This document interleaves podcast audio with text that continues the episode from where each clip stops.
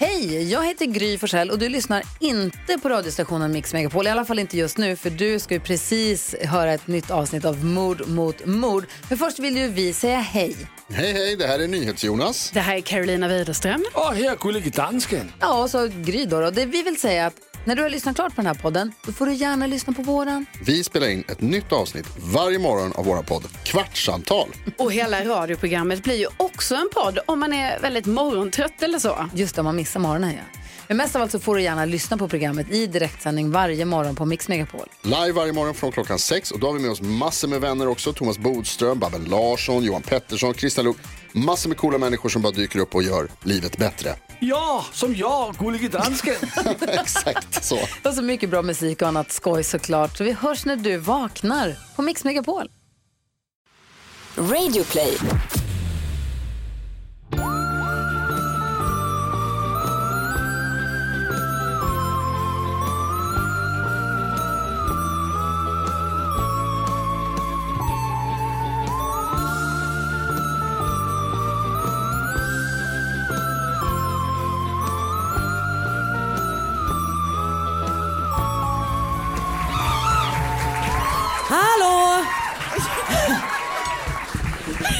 Jag höll på att liksom, trilla ner från den här scenen Gud, det här det är det jag gjorde. längsta rummet jag har varit i någonsin.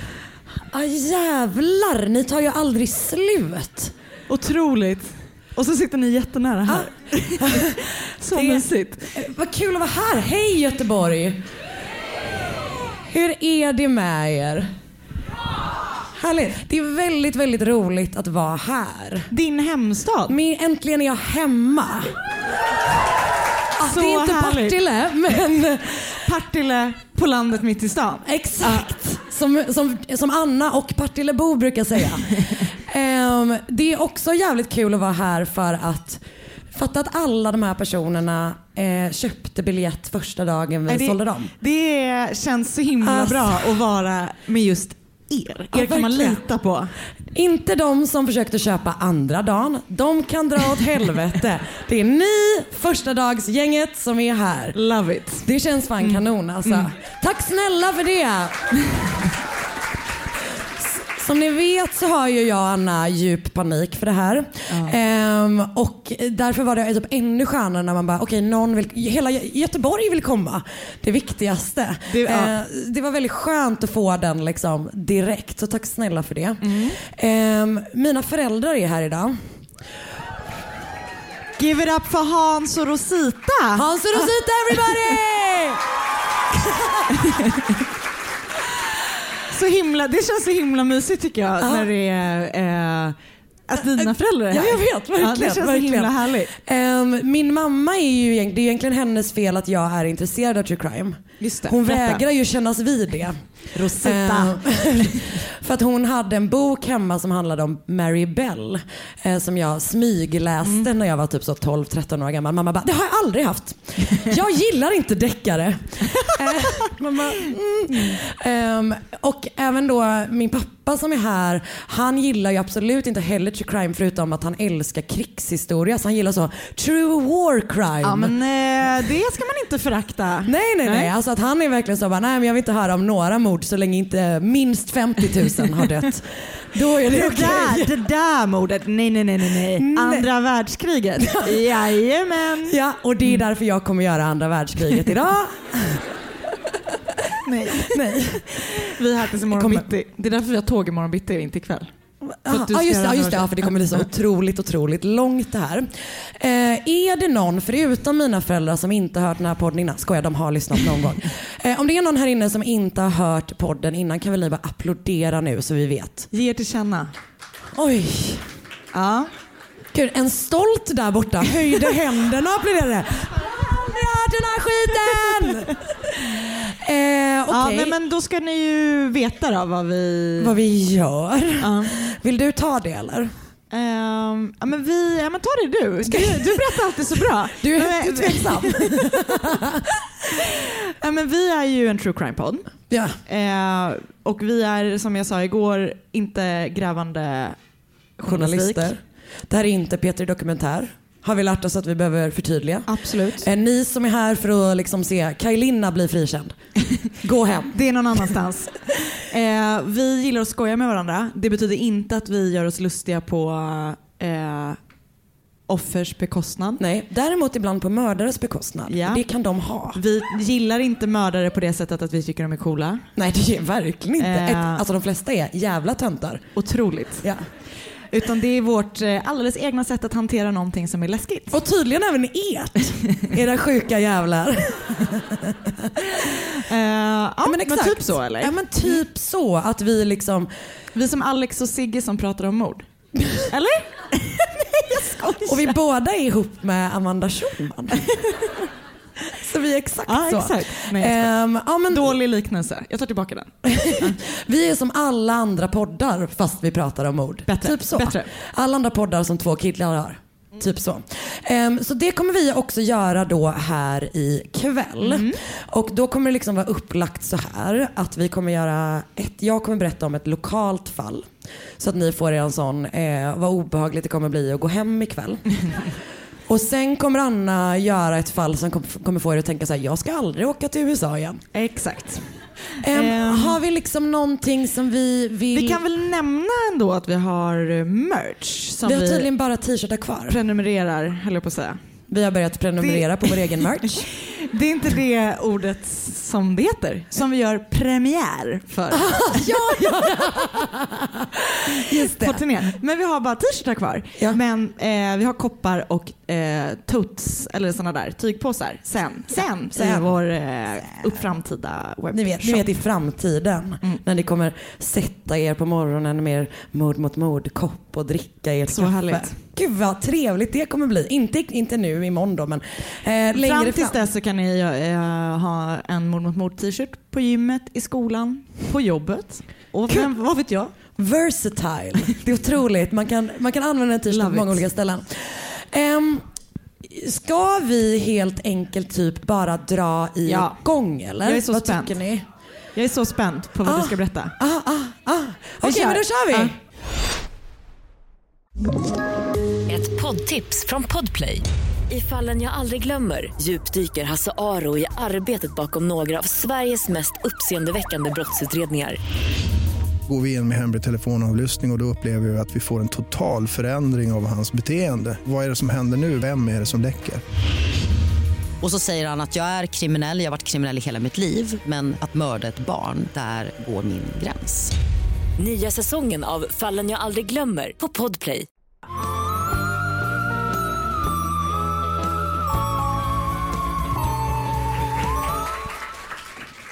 Så idag är det då jag som kommer göra det lokala fallet och jag är väldigt nöjd med mig själv.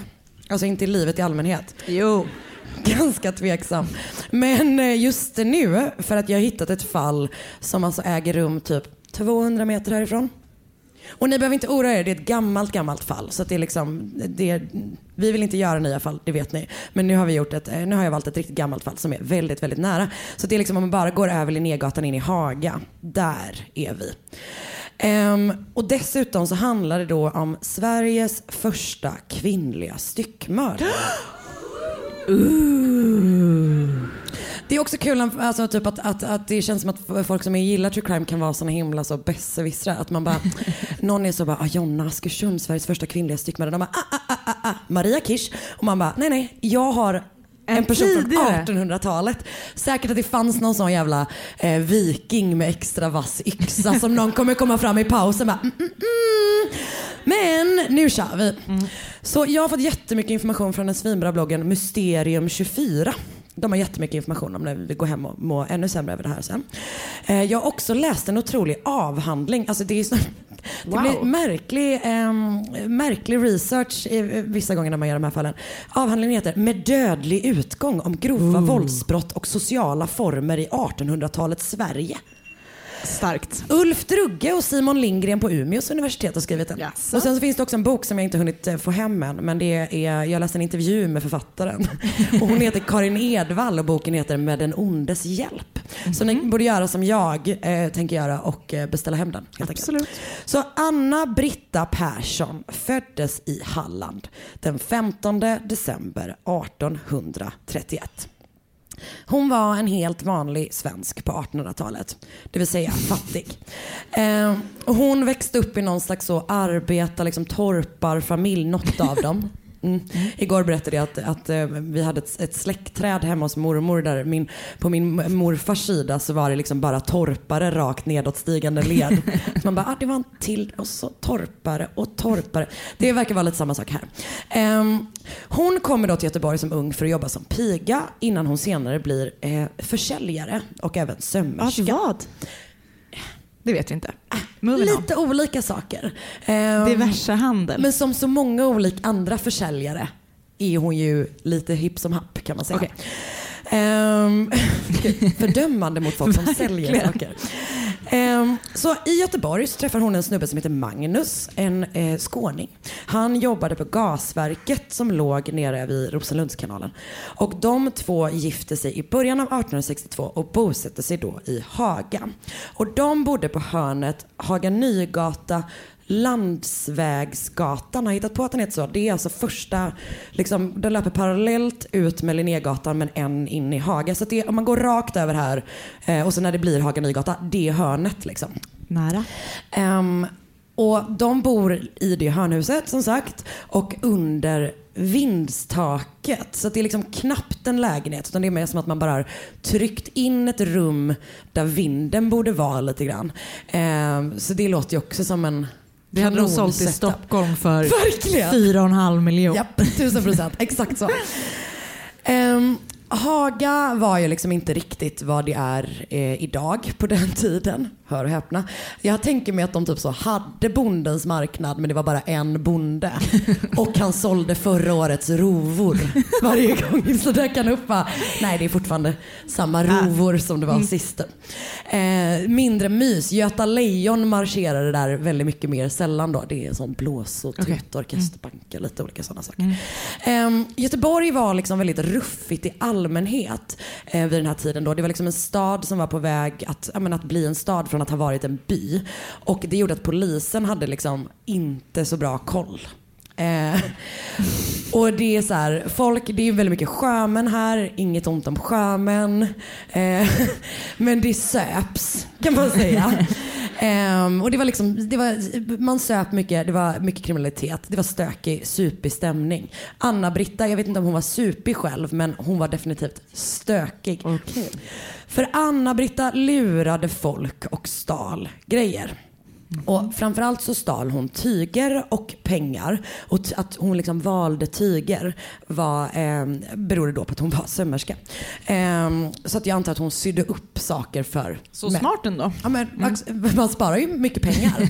om man bara, ja men om jag bara skiter Och i så är det inte så lätt, lätt att härleda stölden. För man stjäl det i ett format och sen så gör man något annat med det.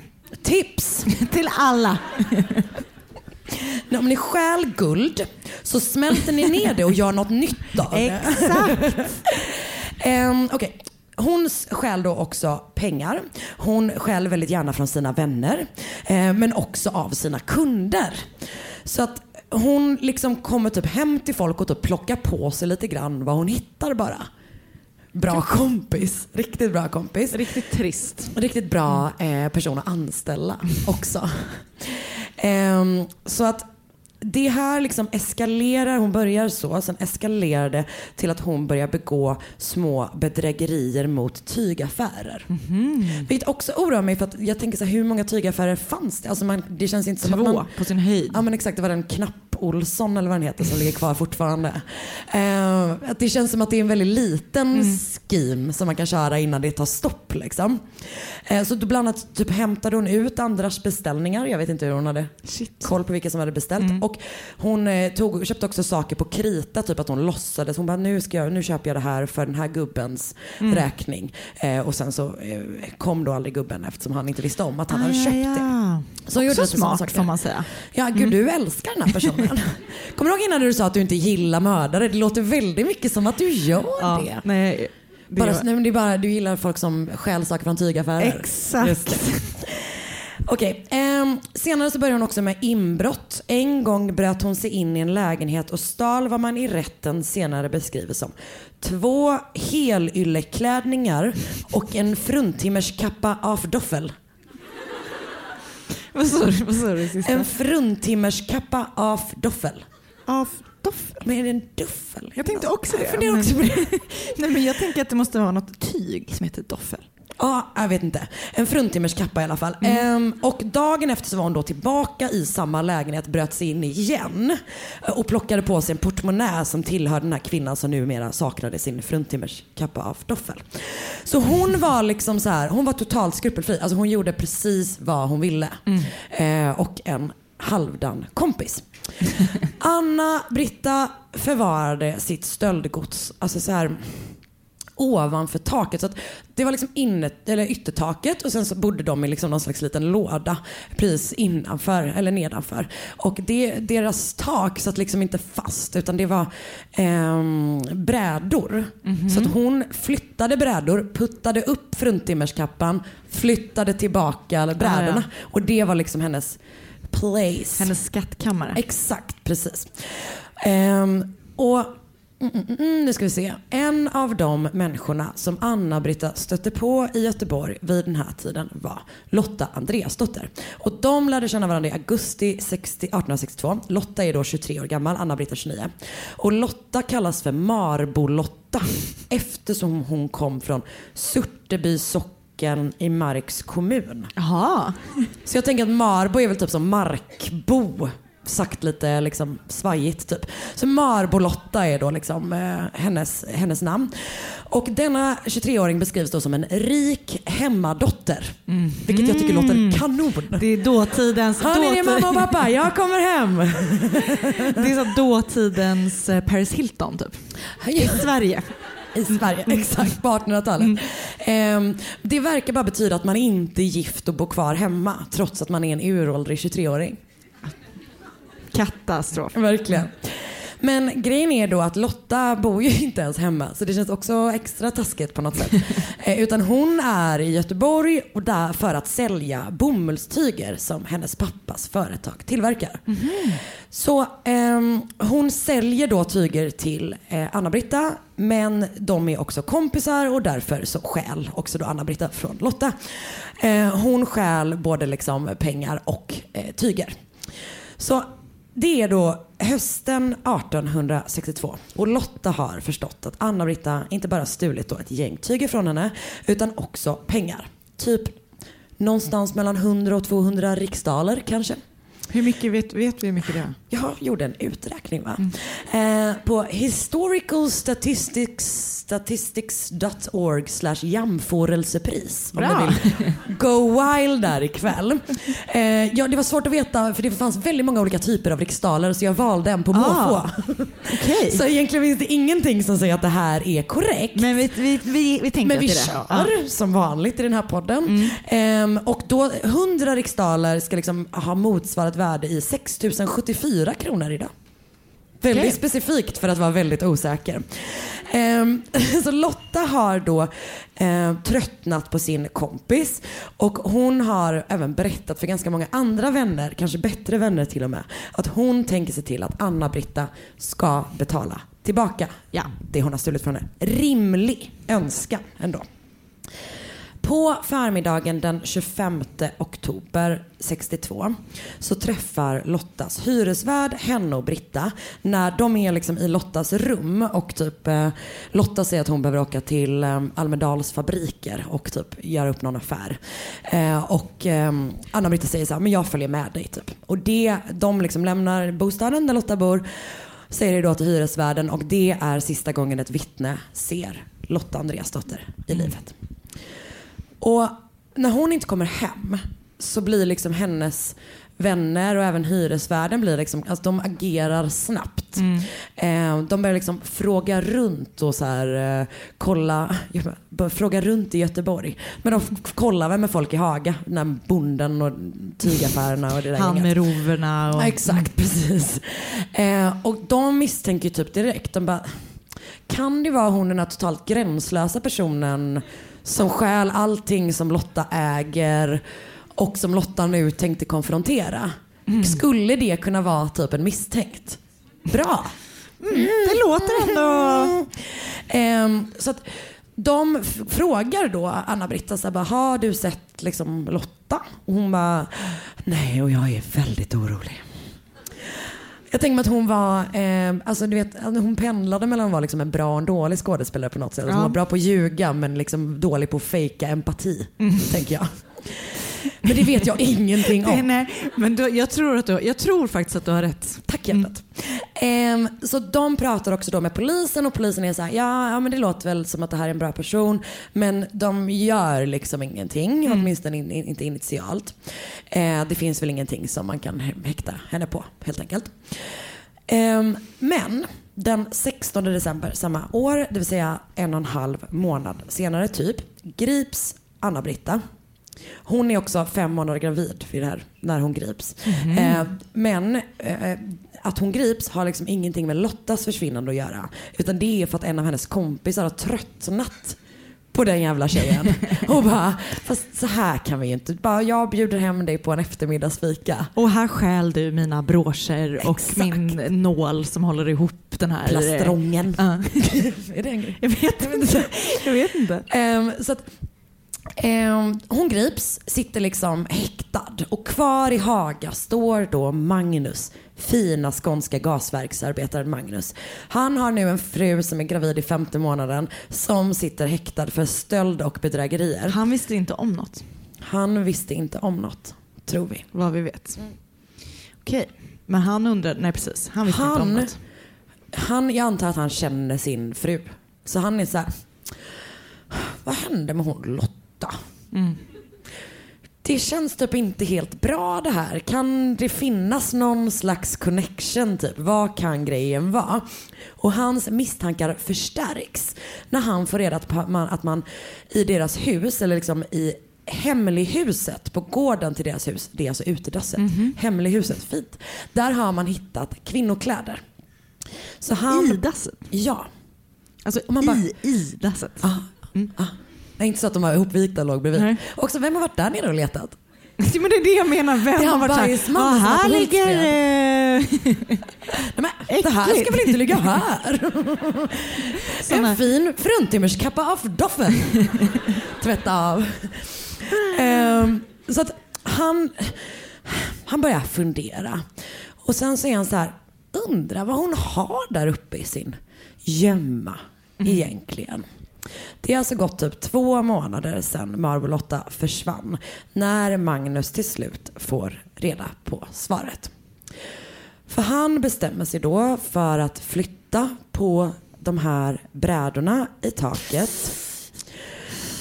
Och där finns då inte bara tyger och pengar utan där ligger också Lotta Andreas Nej, dotters nej, nej, kropp. nej. Hon har ett djupt, fem centimeter långt sår i halsen. Och eh, hennes ben sitter inte fast i resten av hennes kropp. De har liksom blivit avhuggna. Eh, jag vet. Också, det är en, något som är just det här att det har varit liksom ovanför taket. Panik, total panik. Eh, ja, att de inte har ändå märkt det, eller? Kallt tydligen. Okej. Det stod det. För det känns som att det, det skulle man märka. Mm, Utan åtminstone det- luktmässigt. Jag Men vet du vad? Jag tänker också att det luktade äckligt överallt på den tiden. Det var väl då man, eller kanske inte var på 1800-talet, man hällde ut... eh, Nej, det var ju allt. hemlighuset. Ja, precis. Just det. Mm. Ehm, men jag tror inte att Haga luktade jättegott. Det känns inte som det. Så att den här kroppen har då legat sedan natten mellan den 25 och 26 ok- oktober. När Anna-Britta Persson skar Lotta Andreasdotter i halsen med Magnus rakkniv. Styckade henne och band ett rep runt magen som hon liksom använde för att hissa upp henne upp i taket. Liksom. Sen har hon alltså låtit en, alltså Lotta ligga där ovanför liksom sängen som hon och Magnus sover i i två månader. Alltså det är för sjukt. Ja, det, det, ja, det är fruktansvärt. Jag ber om ursäkt för att jag berättar den här historien för er. Eh, Magnus går då till polisen och berättar så här, ah, en grej. Ni vet min fru som ni har där borta. Hitta en till grej som ni kanske borde känna till. Typ. Bra ändå. Bra. Det som händer är att Magnus grips. Eh, han, sitter, Jaha, Ah, Han kommer sitta häktad aslänge. okej. Trots att han har jättebra alibi. Och anledningen till det är för att de inte kan tänka sig att, en kvinna, kvinna, kan ha gjort det här. De bara, nej men kvinnor som är så vänliga och sköra, eh, de kan väl inte ha gjort fruktansvärda saker. Nej. Och det håller man ju med om. Men det är delvis då att man inte tänker att en kvinna är ka- är kapabel att göra det rent liksom känslomässigt. Men det är förstås också då att... Fysiskt. Exakt, man tror inte att en kvinna kan vara så stark. Eh, och som sagt, han har ett jättebra alibi. Alltså, han har jobbat natt alla nätter typ så under en tio dagars period när man ens tänker att det ska kunna ha... Och det har han stämplat in och sådär. Så att ändå sitter han häktad skitlänge. Fan vad segt. Så gå aldrig till polisen. Sensmoralen i den här berättelsen är... Eh, Okej. Anna-Britta sitter eh, också kvar i häktet. Hon sitter häktad i typ två år. Och hon nekar då till det här mordet. Eh, hon har lite olika så förklaringar till hur det kom. För att jag menar att kroppen är där den är råder det ju inga tvivel om. Eh, men hon har, hon bara, jag träffade ett gäng, hon hade lite så business med sjömän och sådär. Så hon bara, jag träffade ett gäng sjömän och de kom hem till mig och Lotta var där och så hörde jag hur de skrek lite grann ute i, alltså det var liksom, det är sådana saker som hon säger typ. Inte jättebra, det, går, in- det, är, inte, det är svårt att förklara. Eh, hon födde sitt barn i häktet eh, som då lämnas bort och ehm, till slut 1900 1864 eh, ställs hon inför rätta. Och delvis för mordet på Lotta men också för tre olika stölder, bland annat den här fruntimmerskappan eh, och även lite olika bedrägerier. Och det är liksom total så här lynchstämning i Göteborg kring den här rättegången. Alltså folk vill komma åt den här fruktansvärda kvinnan. Okej. Eh, Vad gör de? Upplopp. Säkert. Ja. De, jag tänker mig att de, ska vi, ska vi gissa en stund? Nej men var det så, um, De, var att, domstolen öppen? jag vi- tänker mig att de är inte. utanför och bara Ah! Ah! Vi vill åt Anna-Britta. Ja, ta hit hon! Ja men typ så. Okej. Mm. Men Jag all, tänkte om allt de- det hittar vi ju på.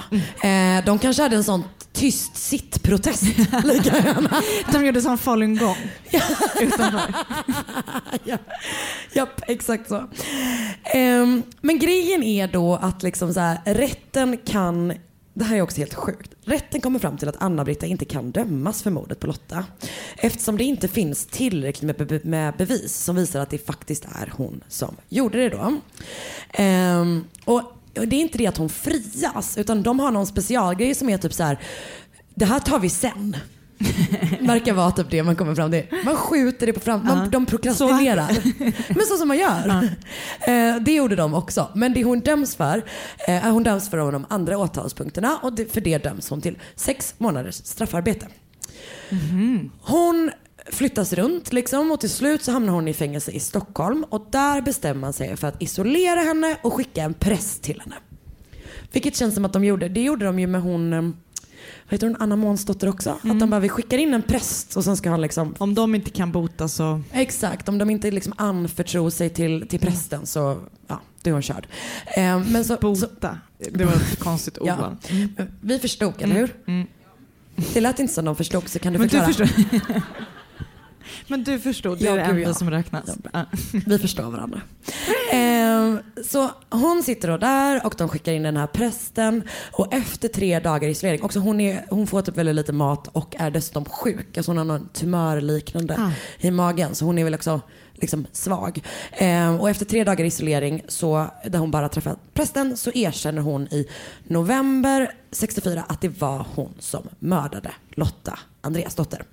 Och det har då spekulerats i att så här, Lottas krav om att få tillbaka sina pengar, Lotta ska också ha känt till den här tjuvgömman.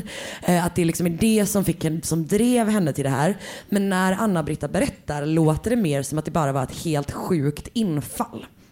Att de har liksom varit hemma hos henne den här natten mellan 25 och 26 oktober eller vad jag sa innan. Ehm, och då har de så här suttit och pratat. Och då har Lotta lagt sitt huvud på Anna-Brittas axel vilket man tänker så här, gud, mysig vänskap. Det är som att ni inte ens har, att hon inte ens skäl från dig.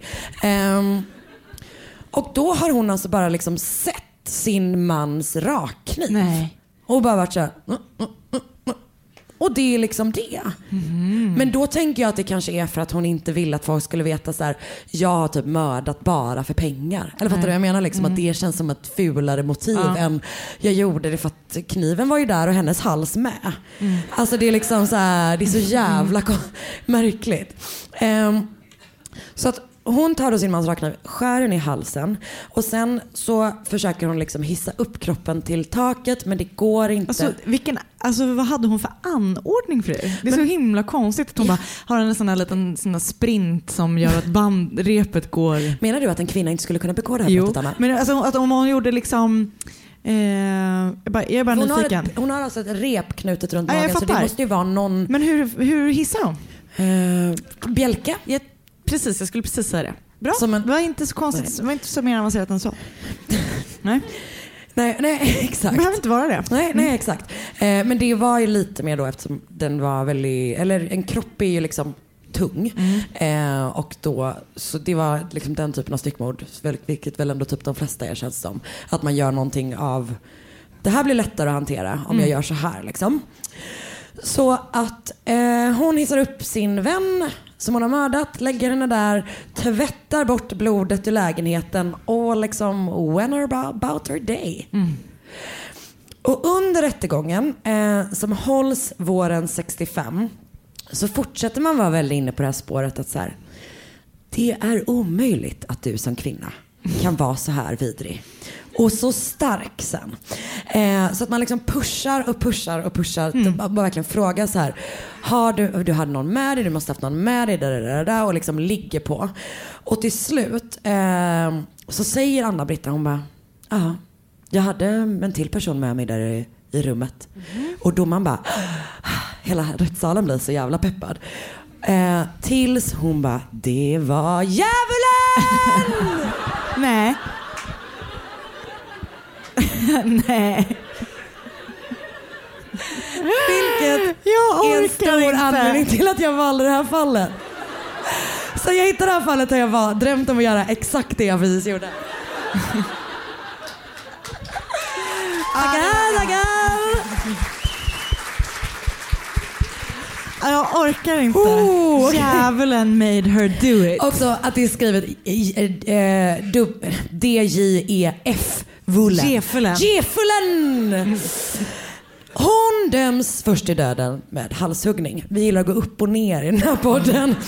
Men domen omvandlas till livstids straffarbete. Hon sitter 30 år, fortsätter stjäla under hela sin tid där. Eh, men hon friges till slut och bor kvar, hon sitter i Norrköping då, så hon bor kvar i Norrköping tills hon dör när hon är 79 år gammal, vilket måste varit otroligt gammalt på den tiden tänker jag. Ehm, eftersom folk var 100% sjuka i huvudet förr i tiden så skrevs det en lustig sång om det här. Som Ska liksom- du sjunga den nu? Nej, jag kan inte melodin. Men vi kan prata om det i pausen. Okej, vi Anna vill ju väldigt gärna framföra en dans. Så jag kanske kommer sjunga och så kan du... Vi får se. Vi får se. Ja, vi får se. Ehm, men så den här liksom, sången framfördes liksom på så gator och torg runt om i Göteborg. Och ytterligare en aspekt av det är att stackars Magnus bodde ju kvar här. Du vet, jag tänker typ som om man gör slut med Och någon barnet? känd. Ja men, ja, men, ja, men barnet kanske typ inte ens visste om vem som var hans mamma tänker jag. Eh, jag hoppas det. Nej, men, Hon, tänk, barnet fick inte bo med Magnus. nej, utan Nej. hamnar någon annanstans. Eh, nej, men just det att man bara ständigt blir påmind. Man, man kan inte ens gå och handla sina rovor i fred Nej. utan höra någon som bara "Apparappara, din fru var en... Hemskt ju. Mm. Ehm, jag tänker att jag bara ska avsluta med, Med att sjunga den. eh, läsa den. Ehm, så att ni får så att ni får åtminstone här så kan ni börja liksom, jag är inte, inte supermusikalisk men det kanske finns någon annan som är det som kan liksom göra en remix på det här då. Eh, vid det mord, den är, inte, alltså den är väldigt liksom literal. Det är Ja. bara det att de så, det här ja. Hände. Vid det mord som begicks i Haga 1862, Anna Britta Persson slog Mar- Marbolotta så hon dog. Sen fyller de ut lite grann med det här. Tralledida, trallelila, trallelalala, trallelia, trallelalalala. Bra! Tycker du det var bra? Ehm, Bravo! tack. Ni är för vänliga. Det var djävulen! Ja, nej, det var otroligt. Så att, nej, vi kan ju liksom gå förbi och kolla läget eh, och se om vi får se någon sån spökig. Jag tror typ att eh, det går ju sådana så här crime walks i Göteborg och då tror jag att liksom det, Det är ett huset stopp. är typ en, ett stopp. Väldigt spännande. Bra, snälla. bra. Tack snälla, bra gjort. Tack hjärtat, du är för vänlig. och ni är för vänliga. Gud vad, ja men eh, spännande. Ja, ja men bra. Eh, verkligen. Ja, tack. Det måste jag säga. Också jag kan få lite så ehm, pa- eh, lite stress nästan över att hur många sådana här fall det finns. Alltså typ sådana helt störda 1800-talsfall. Som jag vill läsa. Alltså, om ni har några sådana kan ni bara skicka dem till mig för att det är typ mina bästa. Eh, tack snälla. Ett poddtips från Podplay. I fallen jag aldrig glömmer djupdyker Hasse Aro i arbetet bakom några av Sveriges mest uppseendeväckande brottsutredningar. Går vi in med hemlig telefonavlyssning och, och då upplever vi att vi får en total förändring av hans beteende. Vad är det som händer nu? Vem är det som läcker? Och så säger han att jag är kriminell, jag har varit kriminell i hela mitt liv men att mörda ett barn, där går min gräns. Nya säsongen av Fallen jag aldrig glömmer på Podplay.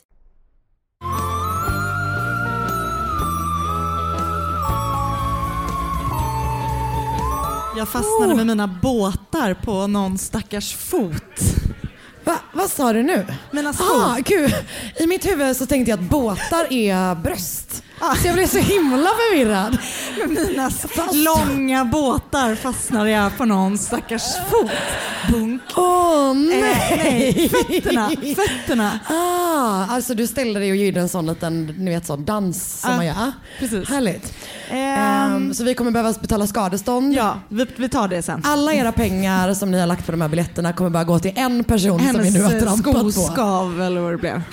Ja, jag vet inte. Det var ju lite sådär, eh, vi hade ju ett fall här, lokalt fall. Ja. Nu är det dags för att göra ett eh, amerikanskt fall. Som eh, många av er säkert känner till. För att det finns i alla fall några av er som har önskat att få höra det här. Och jag kan väl bara säga att Det är hemskt. det är hemskt faktiskt. Så att vi vet alla vad vi ger oss in på. Mm. Förutom de här som inte hade Precis, hört förutom podden ni som, innan. är, som aldrig har hört podden. Ni vet inte. Nej. Ni kommer, ni kommer bli varse. Ja, ja. Eh, jag börjar. Eh, och jag bara, bör, jag, bara, nej, jag bara börjar, jag bara dyker rakt in i. Eh, 1943 föds Gary Heidnick i Ohio i USA. ja. Hans mamma och pappa går sk- skilda vägar tidigt i livet. livet. I Garys liv. Eh, han är typ i treårsåldern och Gary och hans lillebror Terry eh, bor... Det är alltid dumt när de gör så. Alltså det är så konstigt. Ehm, De var rappare. Så de gillade vad bra man kunde, kunde rimma. rimmar på Ja. grejer. Ja. Ehm, det eller sånt att de skrev verser. Ah, De kanske hade den här, det var de som skrev den här låten om Marbo-Lotta. Kanske. Ja. Eh, de bodde med sin mamma eh, till en början. Eh, mamman hade grava alkoholproblem så att när de var runt åtta, eller när Gary var runt åtta och hans bror var runt sex så fick de flytta och bo med deras pappa. Tyvärr så var pappan ingen så här varm och härlig pappa utan han var ganska vidrig.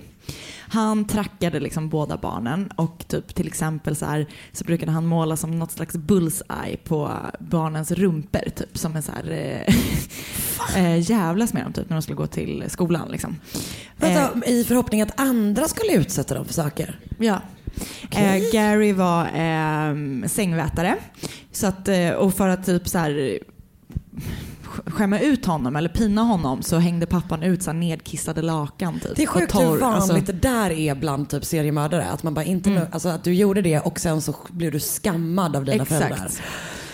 Eh, som att det inte var skamset nog att kissa i sängen. Exakt. Ehm, Och det blev inte lättare när han började i skolan. Eh, för han hade typ inga kompisar och eh, han beskrivs liksom som en ensamvarg. Jag vet inte om det var självvalt eller... Ja, det vet man inte. Eller jag vet inte det i alla fall. Ehm, han hoppade av skolan när han var 17 år och då anslöt han till militären. Ungefär ett år efter att han har gått med så börjar han eh, klaga, upp, eller liksom han börjar beklaga sig. Han har ont i huvudet, han känner sig yr och sen så genomgår han eh, så här, läkarundersökningar och han eh, diagnostiseras med att han har eh, alltså schizofreni. Eller han har, ja. Ja. Mm. Så det är ju tråkigt. Ehm, Det är det verkligen. Ja. Eh, så han får sån honorable discharge som det heter. Eh, och efter att han eh, har lämnat militären så eh, jobbar han med lite olika saker. Han är sjuksköterska och bland annat. Eh, men så en dag 1971 så sitter Gary i bilen och så hör han en röst och rösten tillhör Gud. Ni vet, ni vet hur det är. Gud ger honom ett uppdrag. Han ska skaffa så många barn som han bara kan. Och han ska starta en kyrkare. En kyrkare. Kyrkare. En kyrka. En kyrka heter det. Så att eh, han ska starta en kyrka och skaffa sig så många eh, följare som han kan. Liksom. Så att, sagt och gjort, 1971 startar Gary Heidnick kyrkan United Church of Ministers of God. Ju han- längre namn. Ja, nej, desto bättre är det. Ja. Så är det. Och han utser sig själv till biskop. Soft. Jag visste inte Eh, att man kunde det. Nej, inte jag heller. Men det kan man. I början så har kyrkan bara fem följare och Gary har liksom en typ, eh, han har inte så mycket pengar. Han har, kyrkan har en kassa på 1500 dollar. Men ganska snabbt, alltså han är en master manipulator, Gary. Han knyter till sig följare som jag antar betalar för att liksom gå med i hans kyrka på något vis. För att han får mycket pengar. Och varje söndag så träffas de eh, församlingen hemma hos Gary där de lyssnar på hans egna tolkningar av Bibeln. Fy fan vilken Ehm. bad time alltså. Det var inte kul. Eh, andra Mosebok, sida... Eller Ja, Ja, typ. Vad det, vad det kan ja. vara. Ja, ja. Ehm, och kyrkan har en annan skattesats. Alltså de betalar typ ingen skatt. Just Så att eh, han blir typ tät. Eller tätare i alla fall. Eh, och han, jag läste någonstans, eh, källa oklar. Eh, ja, någonstans av mina källor. Eh, att han köpte sig en Rolls Royce och investerade pengar, alltså han köpte aktier i Playboy. Gud har sagt till mig att jag måste stötta Jag måste- Playboy. Det är så lätt att göra skitgrejer och skylla på djävulen eller Gud. Alltså för det är verkligen så här, om, om det är en högre makt så var det en högre makt som sa åt mig att göra det. Om ni inte gillar den här kvällen. Då, Då var det det Gud. Gud. Eller djävulen. Eh, nej men precis. Eh, som, som jag sa så var han en eh, master manipulator. Och han gillade att styra och kontrollera. Därför tänker jag att alltså, det är väl en av anledningarna till att man startar en egen kyrka. Förutom att man blir tillsagd av Gud. eh, vid två tillfällen så gör han eh, två olika kvinnor gravida. Den första kvinnan som han gjorde gravid hette Gail Linkov. Och eh, barnet blev omhändertaget typ direkt efter barnets födelse. Och den andra, för eh, båda de här kvinnorna bor på eh, typ ett stödboende för eh, eh, människor med eh, kognitiv funktionsvariation. Så att eh, han lurar väl typ Också dem, det. liksom. Ja. Så den första kvinnan då, Gail Linkov, hon föder ett barn som är Garys och barnet omhändertas direkt. Liksom. Den andra kvinnan han gör gravid heter Anjanette Davidson och hon bor då också på det här eh, stödhemmet. Och direkt när det barnet föds så tas det också om hand. Och man önskar ju att någon i den här kvinnornas närhet kunde bara så här, hålla Gary borta från dem eftersom han uppenbarligen inte är en bra person. Men det kan de liksom inte. För att eh, han är då ihop, han har en relation med den här Anginette Och de blir, liksom, blir av med sitt barn men de fortsätter att vara ihop. Och sen en dag så säger Gary så här, men du ska vi inte ta med din syster Alberta som också bor på samma eh, Han är liksom och stödboende. letar folk på ett boende typ. Mm. Eh, ska vi inte ta med henne på typ en dagsutflykt liksom, göra någonting med henne? Så det gör de och de signar ut henne för en dagstur. Men istället för att ta med henne på en aktivitet över dagen så tar de med henne hem till sig och håller henne fången i tio dagar. Eh, han kommer såklart som tur är inte undan med det här. Utan han åker dit och eh, blir dömd till vård i tre år. Så att eh, han...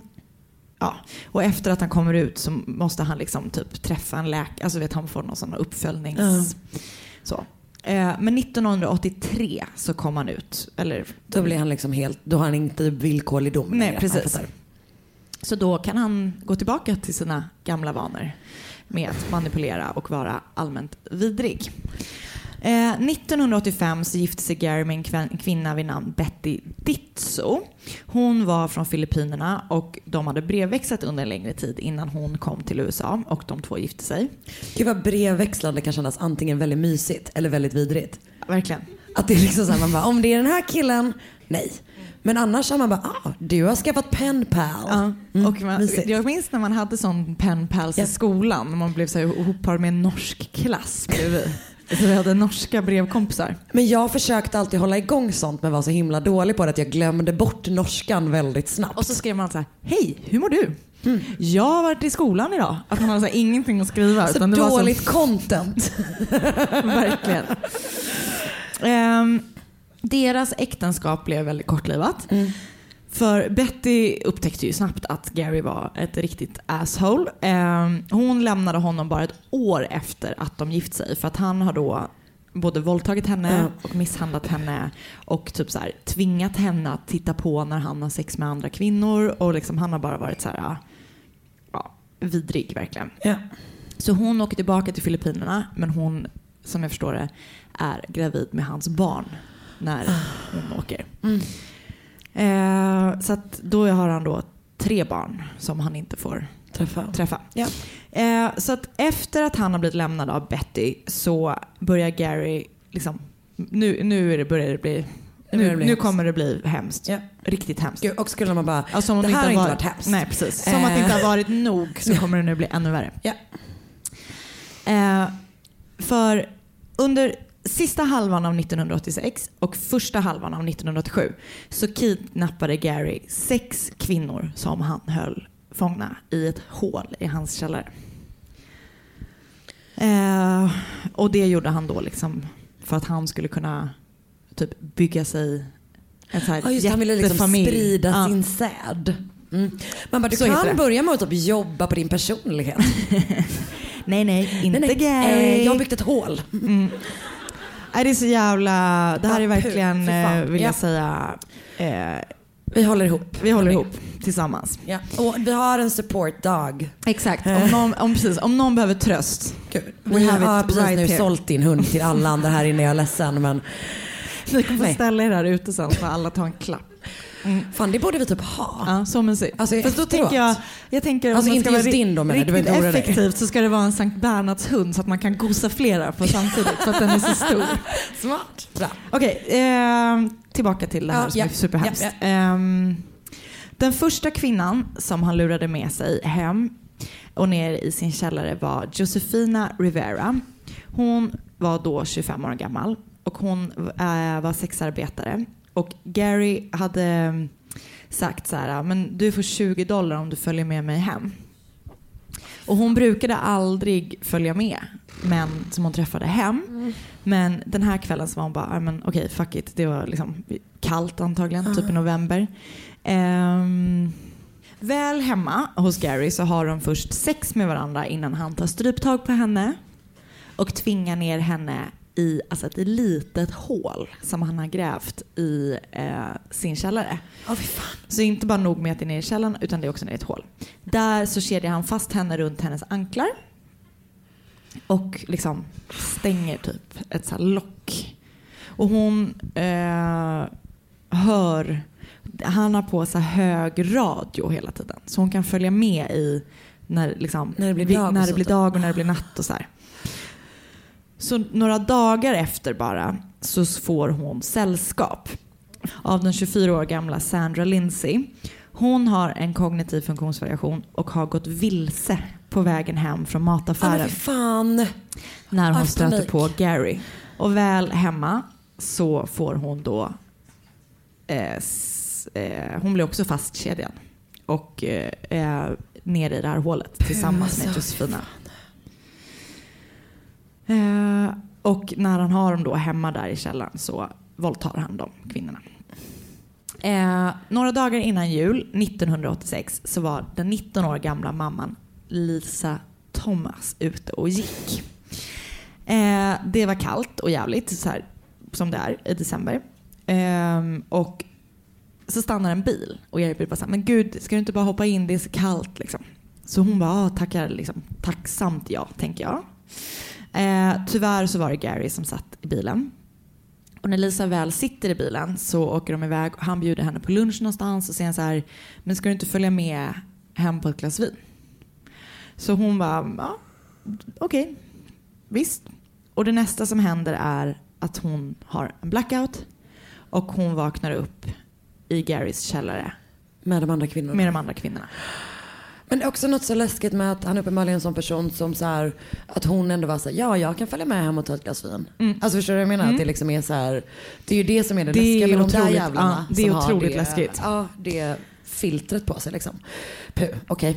Eh, den 1 januari 1987 hittade Gary sitt fjärde offer.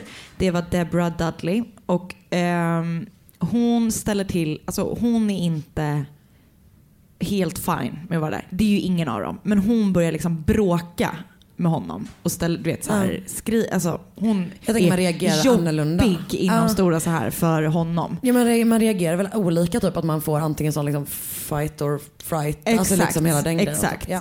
Eh, så att för att hon ska lugna ner sig säger han så här bara, okej jag fixar en toalett till er.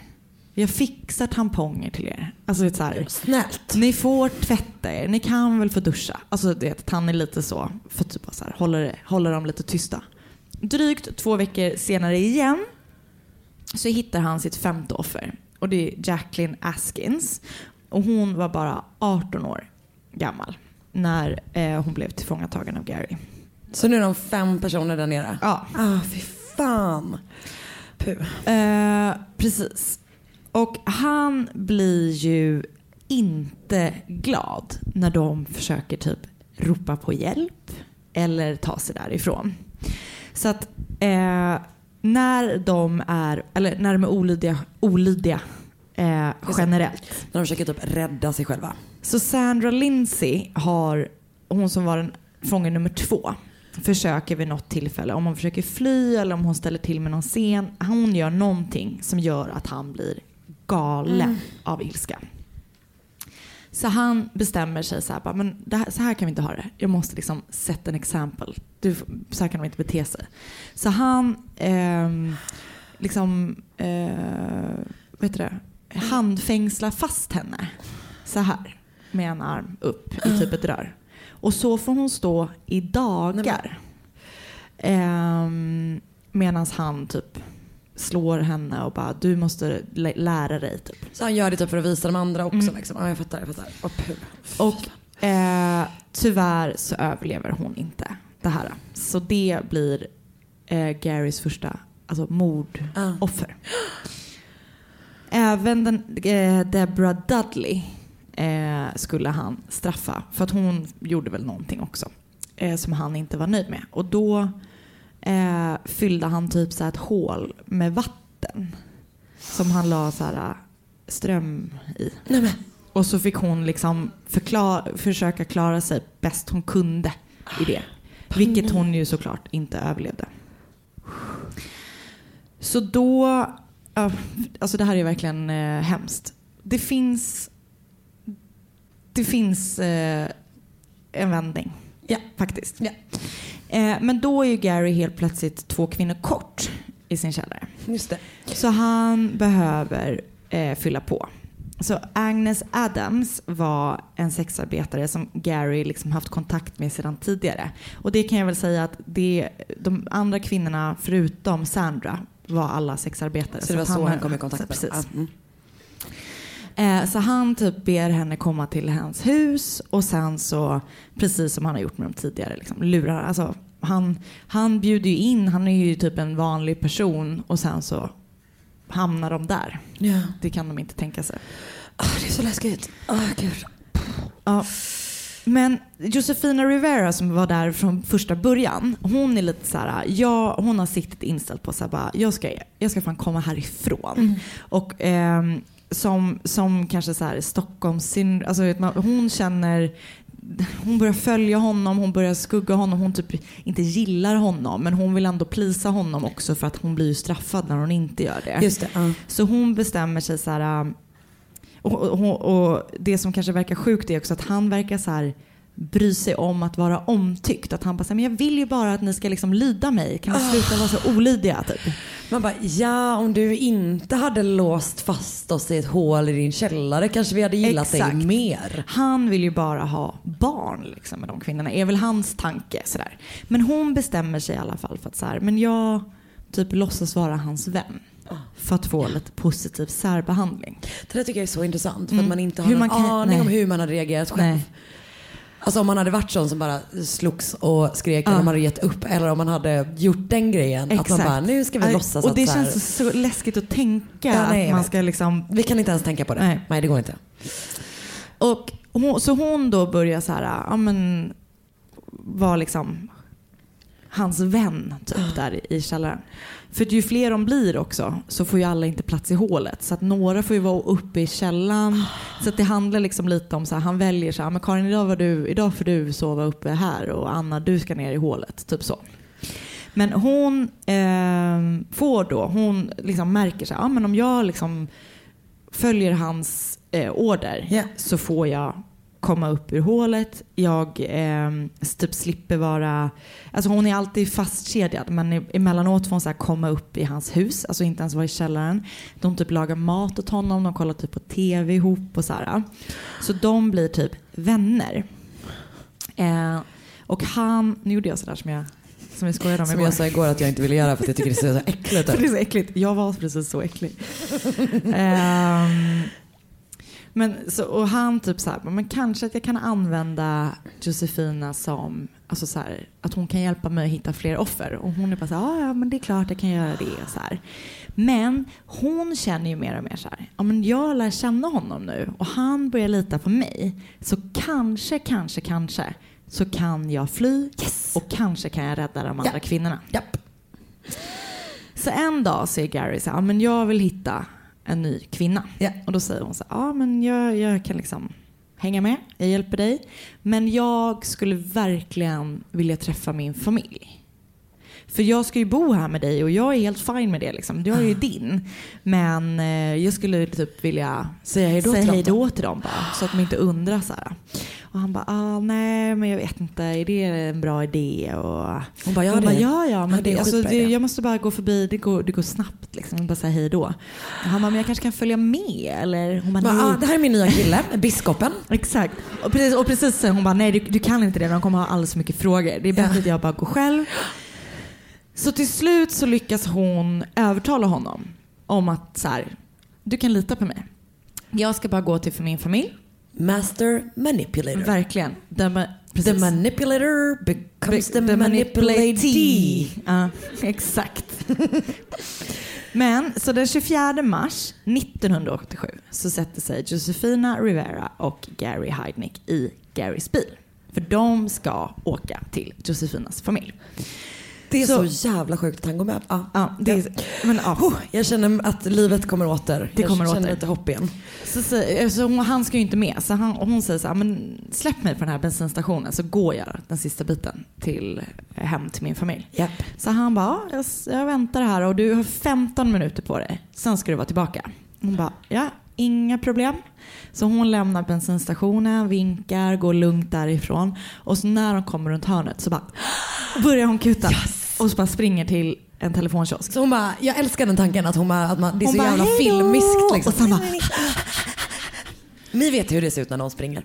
Och att alltså, fan man, då springer man verkligen för sitt liv. Ah. Alltså, Okej, så att hon ringer polisen och polisen kommer fort till där hon var. Ja, skönt. Eh, jag älskar när polisen liksom agerar så som man vill att de ska göra. Japp. För hon är typ så, men alltså det här är, det här har hänt. Ni kan inte vänta på någonting. Han står på bensinsmacken här borta. Ni måste gripa honom nu. Nu. Han får liksom inte komma hem igen. För då vet jag inte vad som händer med de här andra kvinnorna. Och polisen är, istället för att vara så här, "Mm, nej men det här låter konstigt att du, skulle- det här låter som en konstig historia. Typ, eh, Så som, ja, men typ så som man läser om i de här historierna. Alltid. exakt. Ja, ja. Men Och jag älskar de henne. lyssnar på henne så de bara bränner bort till bensinstationen, går fram till Garys bil och you are under arrest mister. Mr Arrested. Så jävla bra. Yay! Det är så bra. Så de tar då in honom och han är bara så här: nej. Nej men alltså tjejer älskar hål. Nej, men så, nej så här, så här säger han. Att bo i dem alltså. Nej, så här säger han. Nej, nej. De måste ha varit kvar från när jag köpte huset. Master manipulator. Ett hål i källaren? Mm, nej. Kul. Alltså, det är Alltså, också kul när man bara, nej förra hyresgästen lämnar de här Det var sex kvinnorna. Jag vet inte. konstigt. Jag har inte tänkt på det så mycket mer än att de, nej. De verkar trivas. Ja, exakt. De är där. Det är helt fine. Eh, Gud, vilken Helt stört. störig person. han försöker också då såklart skylla på sitt, eh, sin, alltså, sitt mentala tillstånd. Ja. Att han inte vet vad han har gjort. Hans åklagare trycker superhårt på det. Så han fattar inte vad Hans konsekvenserna... advokat. Alltså Ah, hans ah, ja. jurist. Ja. Åklagaren trycker inte på det. Ja. Pinsamt! Ehm, Och din kille som är jurist. Vi får prata om det här sen, Ja. Oscar. Ehm, eh, hans shit. försvarsadvokat Ja. försöker trycka jättemycket på här. Han hade Han ingen, ingen aning. om vad det var han sysslade med. Han hade ingen aning om vad det kan få för konsekvenser av att hålla dem fastkedjade här nere utan mat och... Bara, just det, för att alla som har den här typen av problematik har hål i källaren. Exakt. Eller det, det, jag menar, det liksom blir... Nej men alltså det är Ja, ju... ja. Och det vill vi vara tydliga med att så är det ju verkligen inte. Nej, det är verkligen sant. Eh, han vill liksom bara, de gör allt. De säger allt för att undvika dödsstraffet. Ah.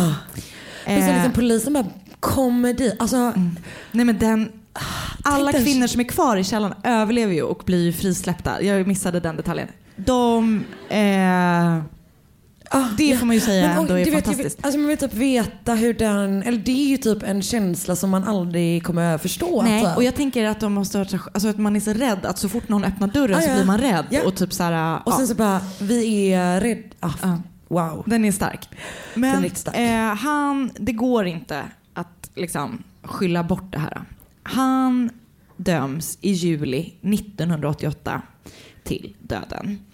Hans eh, familj försöker ändå så här, nej men vi försöker hjälpa honom att omvandla det här liksom, Till livsstil. Ja. Mm. Så att, ehm, för att ja, de kanske till och med vill att han ska komma ut tidigare än livstid. Jag vet inte riktigt. Nej. De i alla fall gör så kampanjer och för att hjälpa honom och så. Det är Svår kampanj att driva. verkligen. Och den, den håller Nej, ju nej, inte. nej. Nej. Eh, för att eh, dödsstraffet består. Och han försöker då också ta sitt liv. Han försöker begå självmord i fängelset. Allt för att undvika dödsstraffet. Ah. Man vet inte riktigt om hans kyrkmedlemmar visste om vad han Men sysslade gud, med. drev han sekten liksom samtidigt? Ja. Nej. Alltså som jag förstår det så var det precis så då. Och ehm, det som verkar ha hänt även efter att han har gripits är att de fortsätter att träffas. Alltså hans eh, kyrka utan biskop Heidnik. eh, och, men som jag också förstår det så är det en person som är medlem i kyrkan som heter Tony Brown som även han då har en kognitiv funktionsvariation Mm. som har hjälpt honom typ att tortera kvinnor. Så han hade manipulerat honom att bli hans Ja, medhjälpare? Liksom. så mm. han var ju, kan man väl säga, också på ett offer, absolut. Ja. Eh, det kan också säga att 1991 så släpptes filmen När lammen tystnar. En av karaktärerna i den, nämligen Buffalo Bill, är tydligt inspirerad av Gary Heidnick. Jag vet inte om han någonsin fick se den filmen, vilket jag verkligen hoppas att han inte fick. För jag vill liksom inte ge honom den... den eh, Nej exakt, nu är du kändis. Exakt. Ja, ja, ja verkligen. Eh, det verkligen. gör mig jätteirriterad att han bara liksom kanske vet att han är Så så här, här... movie night at the prison. Ja, hemskt. Jag har en film. Den här... Som jag kan eh, föreslå. När lammen tyst... Den är så jävla läskig. Alltså jag tror att jag såg, det var en sån film som du vet kanske man fick se på en liksom En sleepover. Men ja exakt, lite samtidigt som man typ så blev lurad och kollade på Exorcisten och sen man, kunde man inte säga typ såhär, man bara Jag jag, vågar rädd." absolut, ja jag var så jävla rädd. Alltså alla sådana tillbringar, såna kvällar tillbringar jag liksom på toaletten. Vilket också var så här, egentligen Du bara, jag är pinsamt. lite kissnödig igen. Ja nej, men det var egentligen pinsamt att vara länge på toa när man var ett barn liksom. Men då var man som bara, jag tar hellre det än mardrömmar för resten av mitt liv. Helt rätt prioriterat. Ehm, Åh gud. men till slut så dör han. Den 6 juli 1999 får han en dödlig injektion i Lethal. fängelset. Lethal injection. Så det var lite kort om Gary Heidnick. Vilket jävla Vilket ärke jävla ärkeas. Hörni, vilket Eh, jävla... det får man verkligen ja, säga. Fan. Men det är just de där, alltså just de där kidnappningsfallen när det är så bara... Ah, det är som panik. Och den jävla rädslan när man bara, "Ah, nu kommer det fler och typ de, du vet det man egentligen vill se är absolut inte en film om honom utan typ relationerna mellan kvinnorna. och det typ. finns en dokumentär Ja. som heter Killer Profile, Gary Heidnick, House of Horrors. Eh, eller det är väl någon sån serie som är, det här är Mm. säsong 1, episod 1. Och där, ehm, Där två av de överlevande berättar. Och det är så jävla starkt så att det är... ehm, Men för det, där, ah, det är Otroligt. så jävla... Men de säger det, alltså när, de blir ju helt, när eh, Debra och Sandra, när de dör, alltså de blir ju helt eh, förkrossade. För det är ju liksom, de, de blir ju så nära. Det är som eh, familj ja. liksom. Ja men, Otroligt. också, ja men man undrar liksom om man typ, just det där när man, eh, att man typ börjar försöka planera sin liksom escape. Och då Mm. tänker jag att när det är en tjej då som typ så här approachar honom svin mycket så lär man väl börja tycka, om man inte är införstådd med vad Nej, hon exakt. håller på med. Så bara, vad gör du? Ja. bara, Du är lite av ett as va? För att nu är du ganska tight med biskopen här. Och hon blev ju så lite chef över kvinnorna. Ah. Men Oh, hon i alla wow, fall, alltså. eh, hon var ju en hjälte får man ju säga. Ja, men jag älskar tanken på när hon bara rundar hörnet, Mm. springer. Det är så jävla jävla fett. Är och så jag nice. är, oh, det är verkligen en fruktansvärd historia där. Ehm, och det är typ de, bara tanken på de kvinnorna, alltså det, ja, mm. Nej, det är starkt. det är verkligen, verkligen, verkligen vidrigt. Mm. Och varför är ni här och lyssnar på det här? Gå hem. Gå hem, Gå krama på er söndagar. Mm. familj. Nej verkligen, gå inte till kyrkan Nej. på söndagar. Om någon säger att de är biskop och inte har en sån där hatt. Men har biskoparna sån hatt? Han hade säkert det. Han hade en hatt i alla fall. Kanske Eller en sån stav. sån liten fedora bara. Just det. Det var hans. Han ser bara ut som att han har varit på semester på Mallis en gång. Ja men det var allt Ah, eh, från oss fan, ikväll. Alltså. Ah, shit alltså. Trooper. Ah, Hörni. det här eh, var helt otroligt. Alltså, Vilken hemstad Kari! vilken hemstad jag är! Alla... Alla härifrån Partille! Nej jag skojar bara, jag skojar bara. Jag ser på er. Jag ser på er, ni är inte från Partille. Eh, Här har vi ah. Partille på Ja, landet det, mitt i det, Du och jag, stan. ja, snälla. Tack för att ni mm, såg till att vi fick vara i Göteborg och Ja, fick vara prata med er. Och, Gud vad himla himla goa ni är och tack för att ni lyssnar på oss varje vecka säkert vissa av er förutom den killen där borta. Eh, Så som- klappan. High, high applaud. Var inte det han som ville ta en bild med oss innan? Är han bara någon slags freak? Han bara, oh, jag vill gärna ha en bild med två tjejer. Nej nu är det Här taskigt. mamma. Han skulle visa upp för sin mamma att han hade skaffat två flickvänner. Och det var vi. Tack så jättemycket snälla. hörni. Och ni är bäst. Puss och kram. Ett poddtips från Podplay. I fallen jag aldrig glömmer djupdyker Hasse Aro i arbetet bakom några av Sveriges mest uppseendeväckande brottsutredningar. Går vi in med hemlig telefonavlyssning och, och då upplever vi att vi får en total förändring av hans beteende. Vad är det som händer nu? Vem är det som läcker? Och så säger han att jag är kriminell, jag har varit kriminell i hela mitt liv men att mörda ett barn, där går min gräns. Nya säsongen av Fallen jag aldrig glömmer på Podplay.